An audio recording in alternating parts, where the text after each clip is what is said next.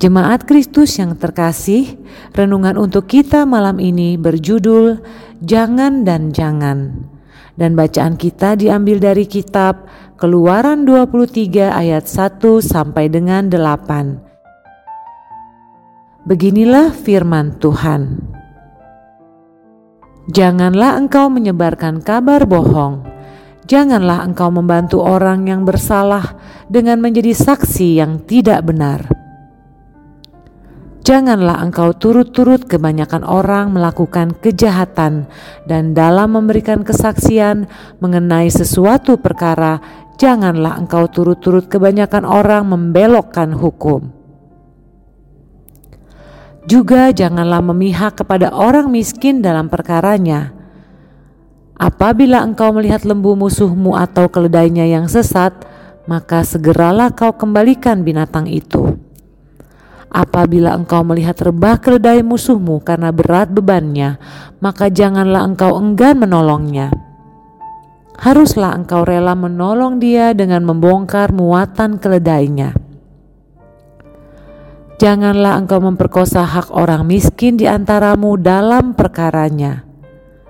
Haruslah kau jauhkan dirimu dari perkara dusta Orang yang tidak bersalah dan orang yang benar tidak boleh kau bunuh, sebab aku tidak akan membenarkan orang yang bersalah. Suap janganlah kau terima, sebab suap membuat buta mata orang-orang yang melihat dan memutarbalikan perkara orang-orang yang benar. Setidaknya ada delapan kali kata jangan dalam bacaan kita hari ini. Kalimat yang tersusun dalam perikop kita agaknya dianggap sebagai sesuatu yang berat dan sulit untuk dilakukan karena memakai bahasa negatif yang menggunakan kata "jangan". Lalu, bagaimana kita sendiri melihat bacaan kita saat ini? Bisa jadi kesan yang muncul juga sama bahwa bagian ini terlalu berat untuk dilakukan karena ada banyak larangan-larangan yang harus ditaati.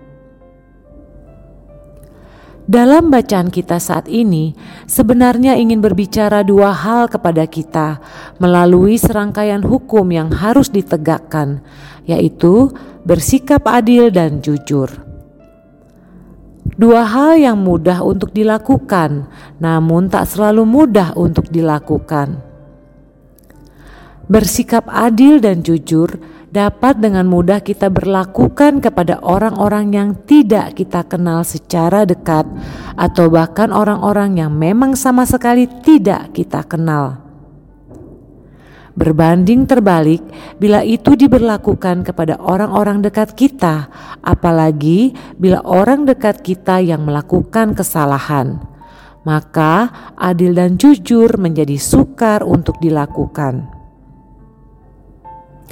apalagi bila itu diterapkan pada diri kita saat kita melakukan kesalahan. Rasanya menjadi adil dan jujur terhadap diri sendiri menjadi hal yang paling berat karena ada konsekuensi yang harus kita tanggung. Dan satu lagi yang ingin Allah sampaikan melalui bacaan kita hari ini bahwa saat kita berkonflik dengan seseorang tak perlu menyebarluaskan konflik itu kepada pihak lain Cukuplah dengan diri kita sendiri dan selesaikan sendiri.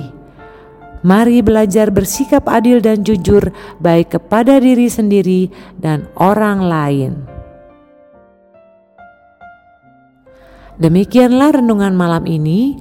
Semoga damai sejahtera dari Tuhan Yesus Kristus tetap memenuhi hati dan pikiran kita. Amin. Jemaat yang terkasih, Mari kita bersatu hati menaikkan pokok-pokok doa yang ada di dalam gerakan doa 21 GKI Sarua Indah. Mari berdoa.